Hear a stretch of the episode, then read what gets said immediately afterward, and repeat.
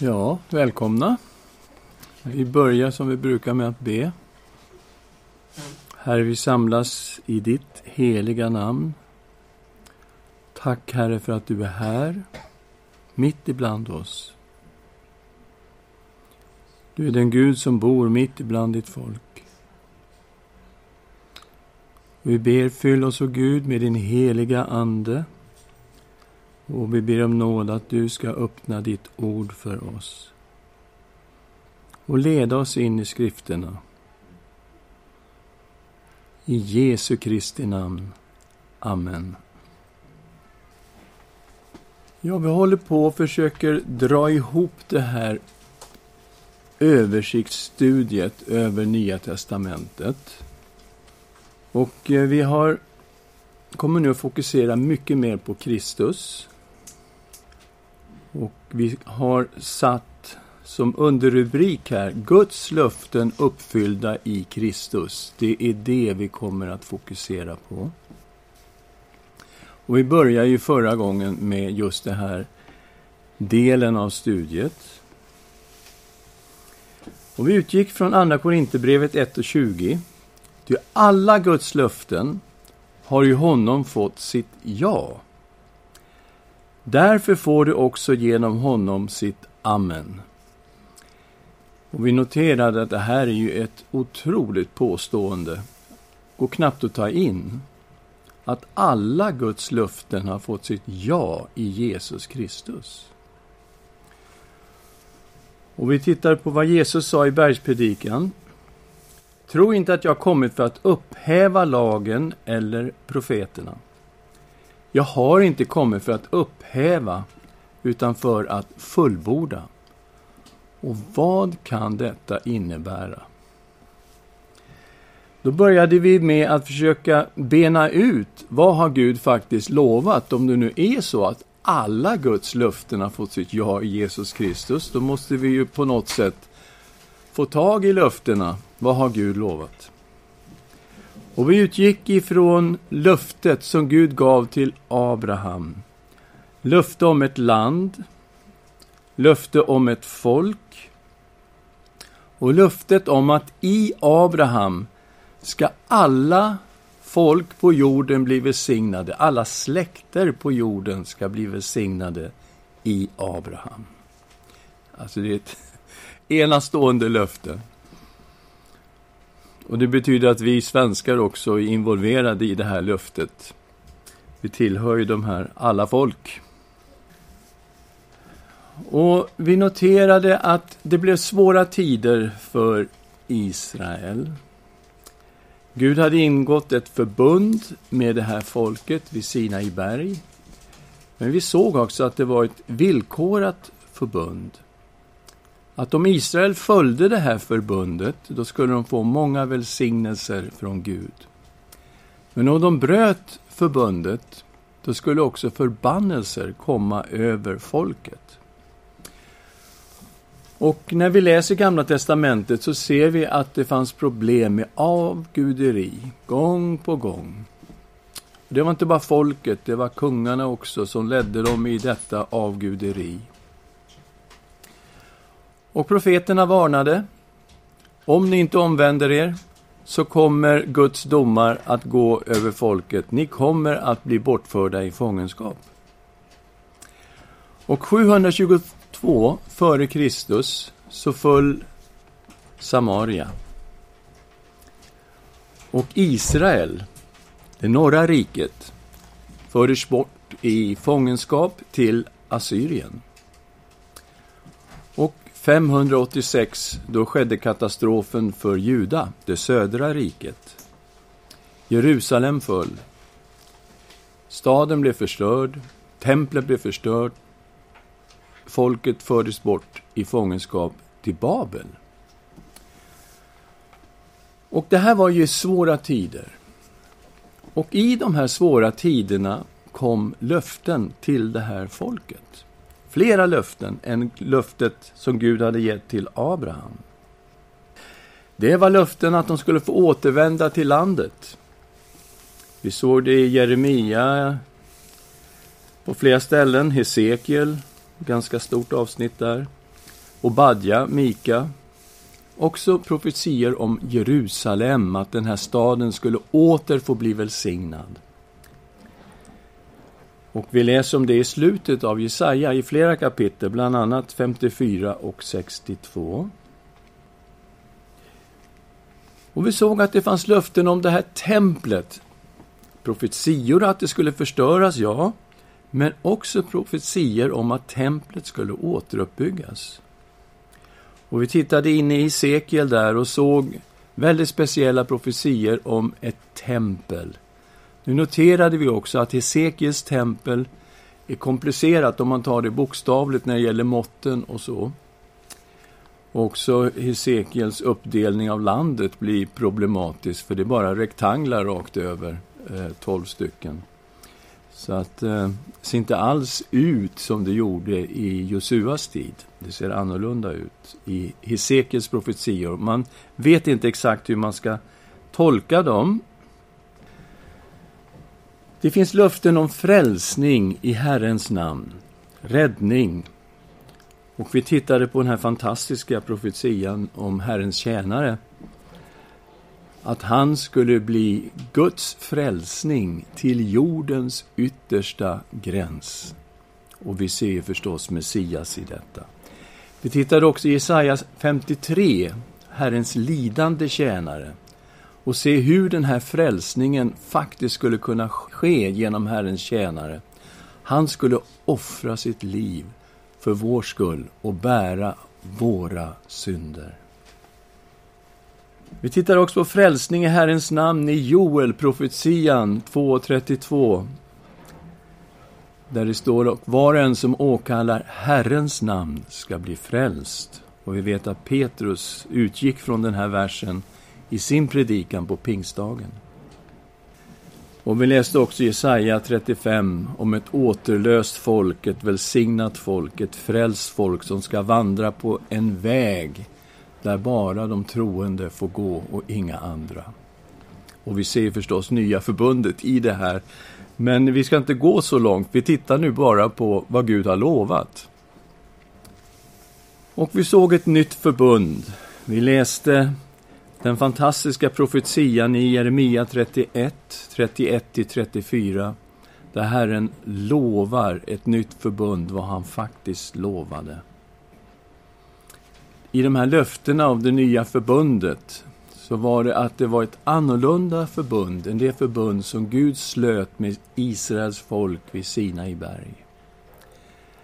I det här förbundet så skulle lagen inte vara utanför människan inristad på stentavlor, utan lagen skulle vara i människan, skriven i människornas hjärtan.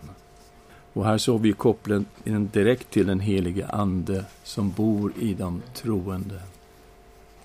Också detta med att alla i det här förbundet skulle känna Gud, från den minste till den störste. Så alla i det nya förbundet skulle ha en personlig gemenskap med Gud. Och hur skulle det här vara möjligt? Därför att Gud skulle förlåta alla våra synder. Han sa deras synder och deras orättfärdiga gärningar ska jag aldrig mer komma ihåg. Ett fantastiskt förbund som vi kommer att titta djupare in lite senare. Här finns löften förstås i samband med detta om Guds ande. Vi tittar i Sekel 36, 26-27 hur Guds ande ska bo i de troende. Min ande, säger Gud, ska bo i er och ge de troende kraft att följa Gud och lyda Gud. Och vi vidrörde också Joel-profetian, den som Petrus citerar på pingstdagen, att Herren ska utgjuta sin ande över allt kött, över alla människor. Och det är inte bara en elit av människor det handlar om. Det gäller verkligen alla människor. Det gäller de, de vuxna, de äldre. Det gäller också barnen. Det gäller också tjänare.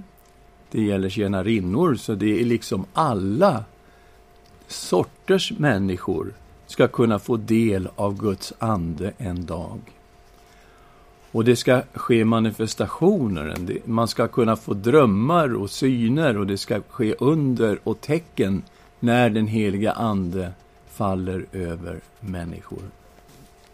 Här är löften som finns i Gamla Testamentet. Löften om Guds ande, och det finns väldigt mycket att säga om detta. Ni vet, vi har haft ett studium om den heliga Ande, där vi just utgått ifrån vad Gud har lovat om den heliga Ande i Gamla Testamentet. Och vi började på det här, vi började titta på vad har Gud lovat när det gäller Messias, Kristus. Ja, vi hann titta på att han är utlovad att vara Guds son. Vi utgick ifrån psalm 2, en psalm som är citerad flera gånger i Nya testamentet. Och att det är förstan av kungarna som rådslår med varandra mot Herren och hans mode, alltså hans Messias bokstavligen. Och det står om honom, Gud säger, han sa till mig, du är min son, jag har idag fött dig. Begär av mig, och jag ska ge dig hedna folken till arvedel, hela jorden till egendom. Så det här är ingen liten Guds son det handlar om. Han kommer alltså att vara en kung och han kommer att regera över folken och hela jorden kommer att vara hans egendom. Och vi tittade också i Andra Samuelsboken kapitel 7, vers 8-16, där David ville bygga ett tempel till Herren i Jerusalem. Men Gud skickar profeten Natan och säger du kommer inte få bygga det här templet, men Herren ska bygga ett tempel åt dig. Och så kommer löften om en son från David som ska få bygga templet. Och vi förstår att det handlar om Salomo. Men så kommer också de här messianska delarna av en Davids son. Att jag ska vara hans fader, han ska vara min son. Så det här kommer att vara Guds son. Och han kommer få regera på en evig tron. Ett rike som aldrig tar slut. Vi fortsätter här. Han ska alltså vara Guds son, var så långt vi kom förra gången. Han ska också vara kung. Och här har vi samma profetia från Natan till David. Vi går in i Första krönikeboken, kapitel 17. Och vi läser från vers 11. Ty det ska ske när din tid är ute och du går till dina fäder jag ska efter dig upphöja en avkomling, en av dina söner, och jag ska befästa hans kungarike. Han ska bygga ett hus åt mig, och jag ska befästa hans tron för evigt. Jag ska vara hans fader, och han ska vara min son. Min nåd ska inte vika ifrån honom, som jag lät den vika ifrån den som var före dig. Jag ska hålla honom vid makt i mitt hus och i mitt rike för evig tid och hans tron ska vara befäst för evigt. Så här har vi detta. Okej, okay, han ska vara en kung, Messias. Och han ska sitta på en evig tron. Han är Davids son, han är Guds son och han är kung och han regerar i ett evigt rike. Det här är löften om Messias som kommer Vi kan också läsa, ja, psalm 132 är det också detta med eden, att Gud har lovat en ättling från David till evig tid. I Jesaja 9 har vi den här jättekända profetian som vi läser i juletid, men inte bara i juletid, eh, hoppas jag. Jesaja 9. Och vi läser från vers 1. Men det ska inte vara nattsvart mörker där ångest nu råder. I gången tid lät han Sebulons och Naftalis land vara föraktat. Men i kommande dagar ska han ge ära åt trakten ut med havsvägen, landet på andra sidan Jordan, hedna folkens Galileen. Det folk som vandrar i mörkret ska se ett stort ljus. Över dem som bor i dödsskuggans land ska ljuset stråla fram. Det folk som du inte givit stor glädje låter du bli talrikt.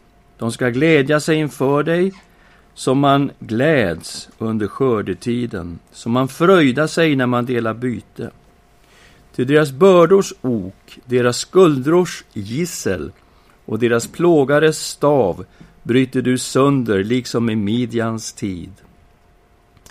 Ja, varje stövel buren under stridslarm och varje mantel vältrad i blod ska brännas upp och förtäras av eld.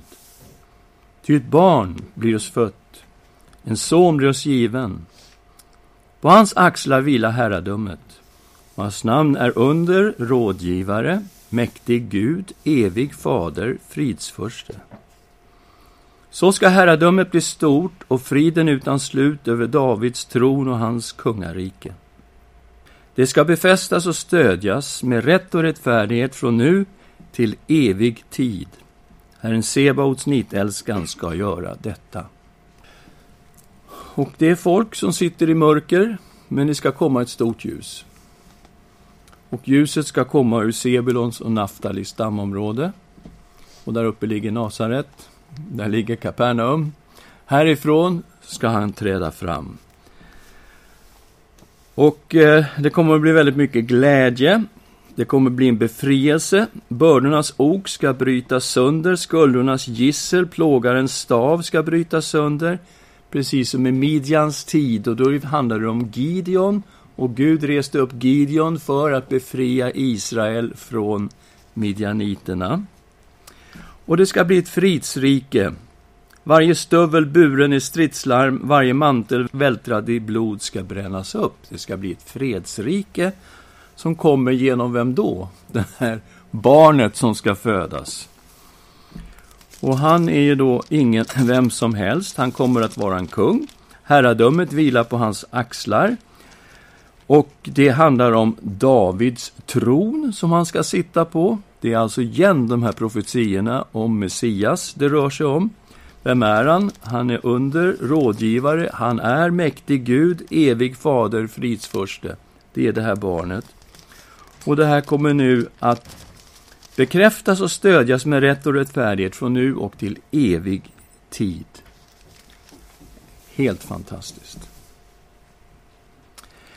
Så, han kommer att vara en kung. Det ser vi ju tydligt i profetiorna i Gamla testamentet. Han kommer att vara en profet. Och vi behöver gå till femte Mosebok, kapitel 18.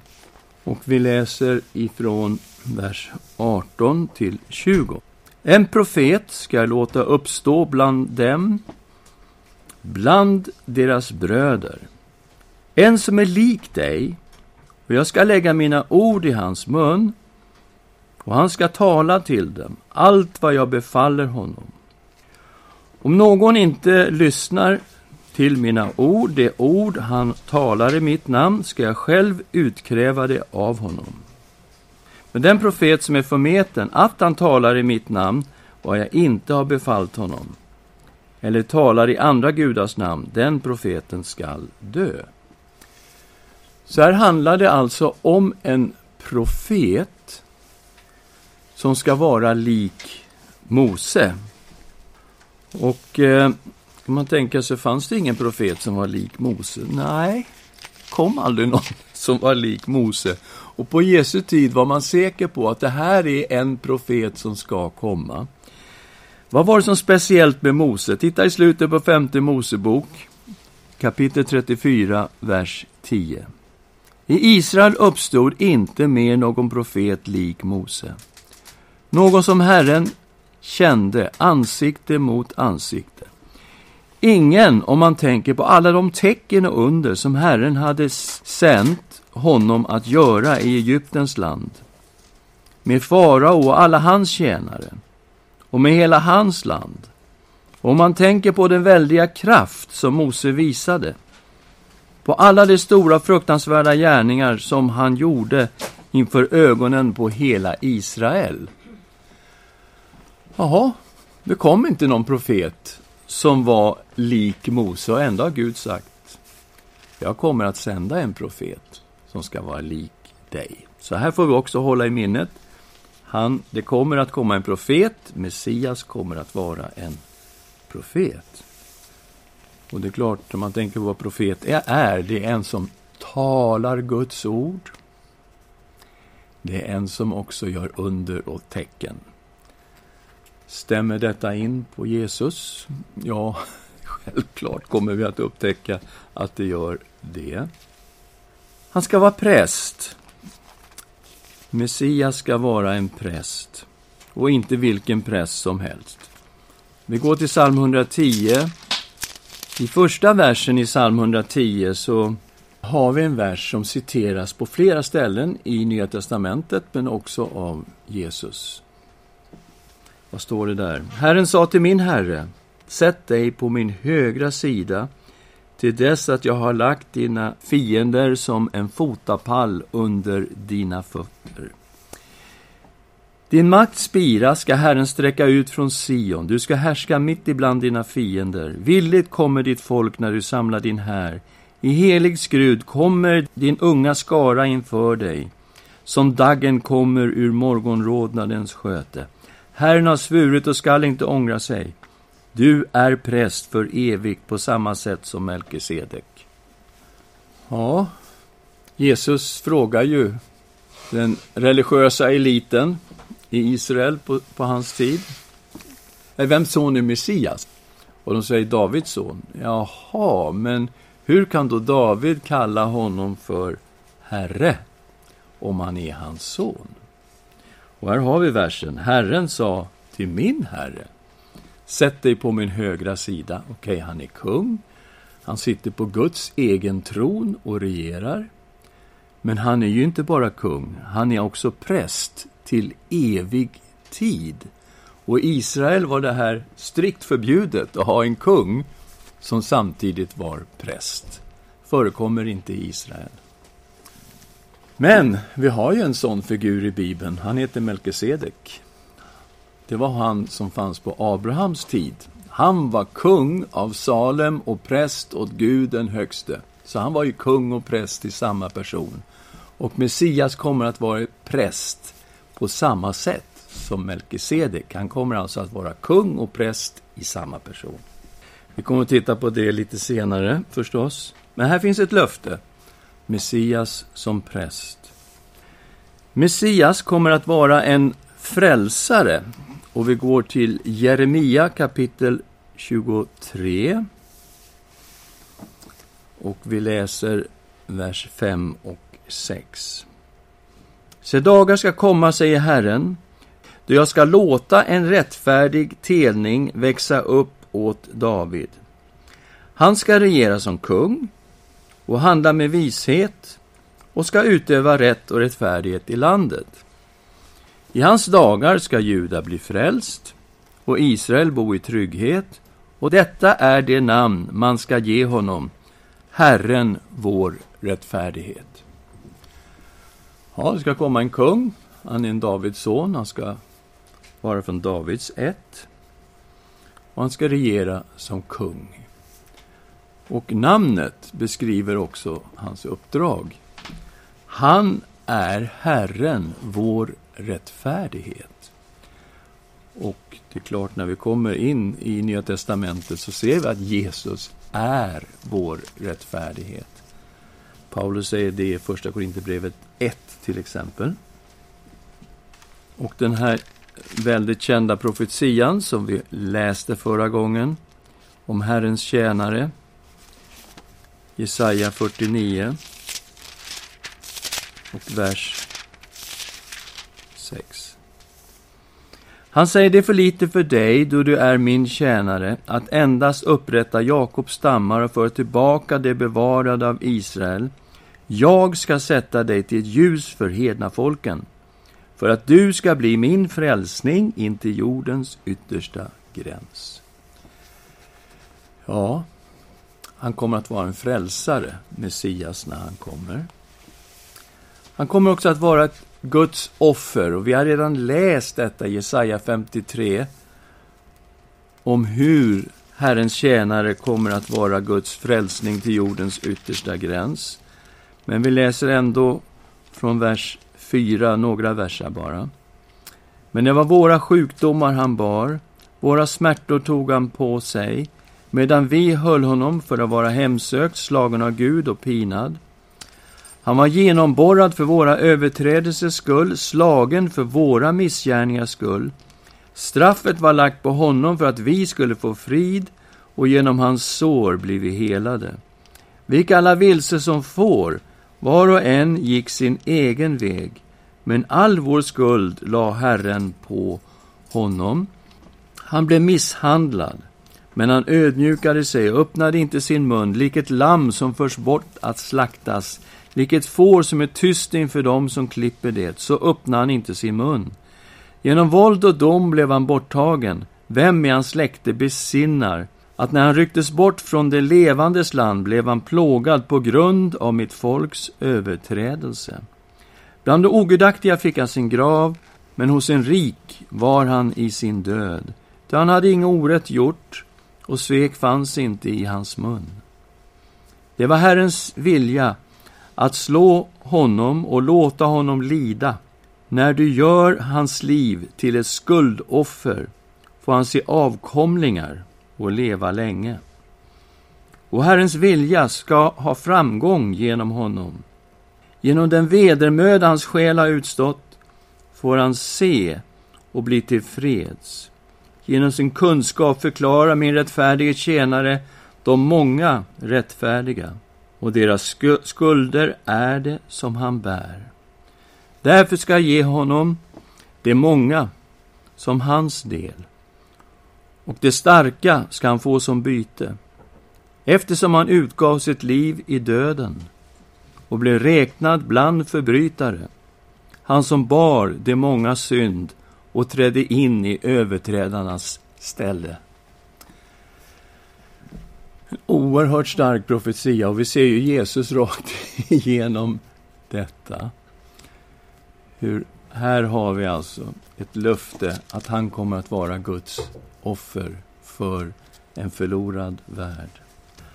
Han kommer också vara ett ljus för alla folk.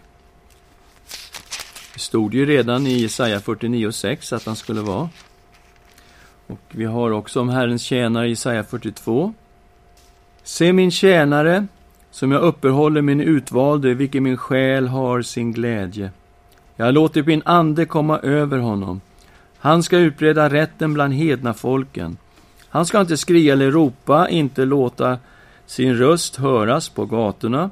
Ett brutet strå ska han inte krossa, en tynande veke ska han inte släcka. Han ska i trofasthet utbreda rätten. Han ska inte förtröttas eller brytas ner förrän han har grundat rätten på jorden. Havsländerna väntar på hans undervisning. Så säger Gud, Herren, han som har skapat himlen och spänt ut den. Han som har utbrett jorden med allt som växer där. Han som har givit liv åt folket som bor där och ande åt dem som vandrar på den. Jag, Herren, har kallat dig i rättfärdighet. Jag ska hålla dig i handen.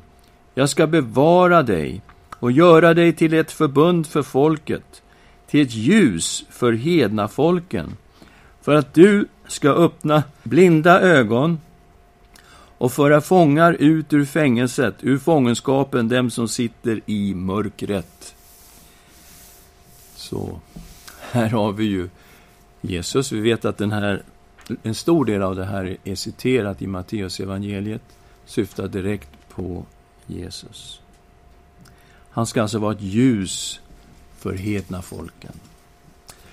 Så kan vi nu dra ihop det här luftet som finns kring Messias kan vi komma överens om att det finns löften om att han ska vara Guds son?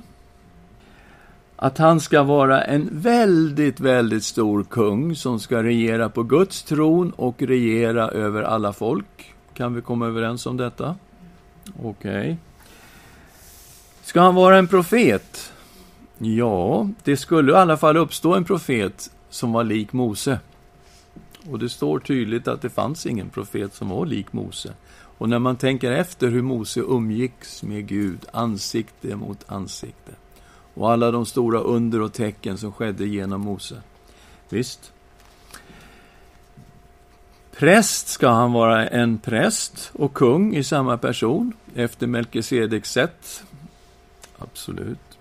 Ska han vara en frälsare då? Ja. Han ska vara Guds frälsning till jordens yttersta gräns. Ska han vara ett offer? Ska han offra sitt eget liv? Är det tänkt så? Jajamensan. Ska han vara ett ljus för alla hedna folk? Ja, faktum. Så här har vi nu försökt ringa in, vad har Gud lovat? Vi har tittat på löftena till Abraham. Vi har tittat på löft, Guds löften i svåra tider, att de ska få återvända till sitt land. Det var löften om Jerusalem, löften om templet, frälsning i Herrens namn och ett nytt förbund och att Guds ande en dag skulle utgjutas över allt kött och bo i de troende. Oj. Ja.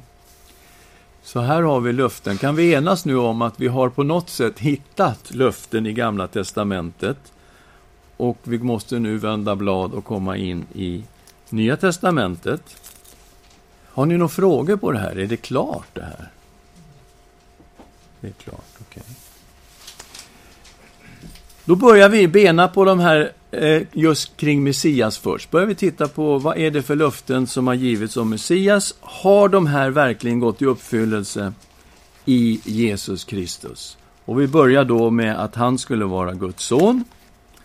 Och vi öppnar med att titta på vad ängeln Gabriel säger till jungfru Maria. Och vi är i Lukas 1 och vi börjar i vers 28. Ängeln kom in och sa till henne, Gläd dig, du benådade, Herren är med dig. Men hon blev förskräckt vid hans ord och undrade vad denna hälsning kunde betyda. Då sa ängeln till henne, Frukta inte, Maria, du har funnit nåd hos Gud. Se, du ska bli havande och föda en son, du ska ge honom namnet Jesus. Han ska bli stor och kallas den Högstes son, och Herren Gud ska ge honom hans fader Davids tron, och han ska vara en konung över Jakobs hus för evigt, och hans rike ska aldrig få något slut. Maria sa till ängeln, hur ska detta kunna ske? Ingen man har rört mig. Ängeln svarade henne, den helige Ande ska komma över dig, och den Högstes kraft ska vila över dig. Därför ska också barnet kallas heligt och Guds son. Okej, stämmer detta att han är Guds son? Det är precis vad ängeln lovar. Vi går till tredje kapitlet av Lukas och vi tittar på Jesu dop. I Lukas 3, 21. När nu allt folket döptes blev även Jesus döpt, och medan han bad öppnades himlen och den helige Ande sänkte sig ner över honom i en duvas skepnad. Och från himlen kom en röst, du är min son, den älskade, i dig har jag min glädje. Ja, är han Guds son? Det är Fadern som talar här och säger att Jesus är Guds son. I det nionde kapitlet har vi Jesus på förklaringsberget, Lukas 9, och vi läser vers 35. Och ur molnet kom en röst. Den är min son, den utvalde, lyssna till honom. Sa Jesus själv någon gång att han var Guds son? Ja, vi går till Johannes 10, där hans gudom är så starkt proklamerat att judarna vill stena honom. Och vi går till Johannes 10 och 30. Jag och Fadern är ett. Än en gång tog judarna upp stenar för att stena honom. Jesus sa till dem, många goda gärningar från Fadern har jag låtit er se, för vilken av dem vill ni stena mig? Judarna svarade, det är inte för någon god gärning vi vill stena dig, utan därför att du hädar och gör dig själv till Gud, du som är en människa. Jesus svarade dem, står det inte skrivet i er lag, jag har sagt att ni är gudar. Om man nu har kallat dem som fick Guds ord för gudar, och skriften kan inte göra som intet, hur kan ni då säga till honom, som Fadern har helgat och sänt i världen, du hedar, därför att jag sa, jag är Guds son. Okej, okay, var han medveten om att han var Guds son? Jo, det var han. Kung då? Hur var det med kung? Ja, ängeln Gabriel sa ju detta, just det vi läste i Lukas 1, när han talade med Maria. Att han ska ju sitta på sin fader Davids tron, och han ska vara kung över Israels folk, och han ska vara kung för evigt. Ja, absolut, kung. Var han medveten om att han var kung? Ja, när man hade arresterat Jesus och överlämnat honom åt Pilatus. Då står Jesus inför Pilatus. Vi är i Johannes kapitel 18 och vi läser vers 36 och 37. Jesus svarade Mitt rike är inte av den här världen. Om mitt rike var av den här världen hade mina tjänare kämpat för att jag inte skulle bli överlämnad åt judarna. Men nu är mitt rike inte av den här världen. Pilatus sa, du är alltså en kung. Jesus svarade, du säger själv att jag är en kung. Ja, för att vittna om sanningen är jag född, och därför har jag kommit till världen. Var och en som är av sanningen lyssnar till min röst. Han var mycket medveten om att han var kungen i Guds rike. Han sa, mitt rike, det är inte av den här världen. Det är inte som romarriket, det är inte som Israel. Okej, okay, det finns här i världen, men det är inte av den här världen. Kungen för Guds rike stod inför Pilatus. Och i Uppenbarelseboken har vi ju de här olika uppenbarelserna av Kristus. Och i det nittonde kapitlet så har vi ryttaren på den vita hästen och det är Kristus som är ryttaren. Vi nöjer oss med att läsa en vers där, vers 16. På sin mantel och på sin höft hade han ett namn skrivet, Konungarnas konung och herrarnas herre. Är Jesus kung? Absolut. Han är alla konungars konung och han är alla herrars Herre. Är han den här profeten då? Ja, vad har vi att, att, att se på när det gäller just den profetian som kommer genom Mose? Gud säger till Mose, jag ska låta en profet uppstå som är lik dig. Vi går till Apostlagärningarna. Vi har Petrus tempelpredikan i kapitel 3 av Apostlagärningarna. Och vi läser ifrån vers 21. Honom måste himlen ta emot tills de tider kommer då allt ska bli återupprättat som Gud har förkunnat genom sina heliga profeters mun från urminnes tid. Mose har sagt, en profet som är lik mig ska Herren er Gud låta träda fram mot er ur era bröders krets. Lyssna till honom i allt vad han säger. Men var och en som inte lyssnar till den profeten ska utrota ur folket. Alla profeterna, så många som har talat från Samuel och framåt, har också förkunnat dessa dagar. Så det är helt klart att Jesus är den här profeten som Gud sa till Mose att han skulle komma. Och där tror jag nog att vi måste dra ett litet streck. Tiden kommer inte att tillåta att vi jobbar oss igenom alla dessa texter om Jesus och hur alla dessa löften om Messias har gått i uppfyllelse i Jesus Kristus. Utan vi får ju spara det till nästa gång. Då har vi någonting fint att se fram emot när vi ska gå in och se på Jesus som präst, frälsare, Guds offer och ett ljus för alla folk. Och jag tror vi kommer hitta mycket stöd för detta i Nya Testamentet. Så, vi börjar där nästa gång, men låt oss tacka Herren tillsammans. Tack gode Gud för alla de löften som du har gett i gammaltestamentlig tid genom dina heliga profeter. Och Herre, vi ser nu steg för steg att de här löftena faktiskt har blivit uppfyllda i dig, Jesus Kristus. Och vi tror att det är så att alla löften, så många de är, har fått sitt ja och faktiskt också sitt amen i dig, Jesus Kristus. Så led oss vidare, vi ber, i det här väldigt viktiga studiet om dig och löftena som uppfylldes i dig. I Jesu Kristi namn. Amen.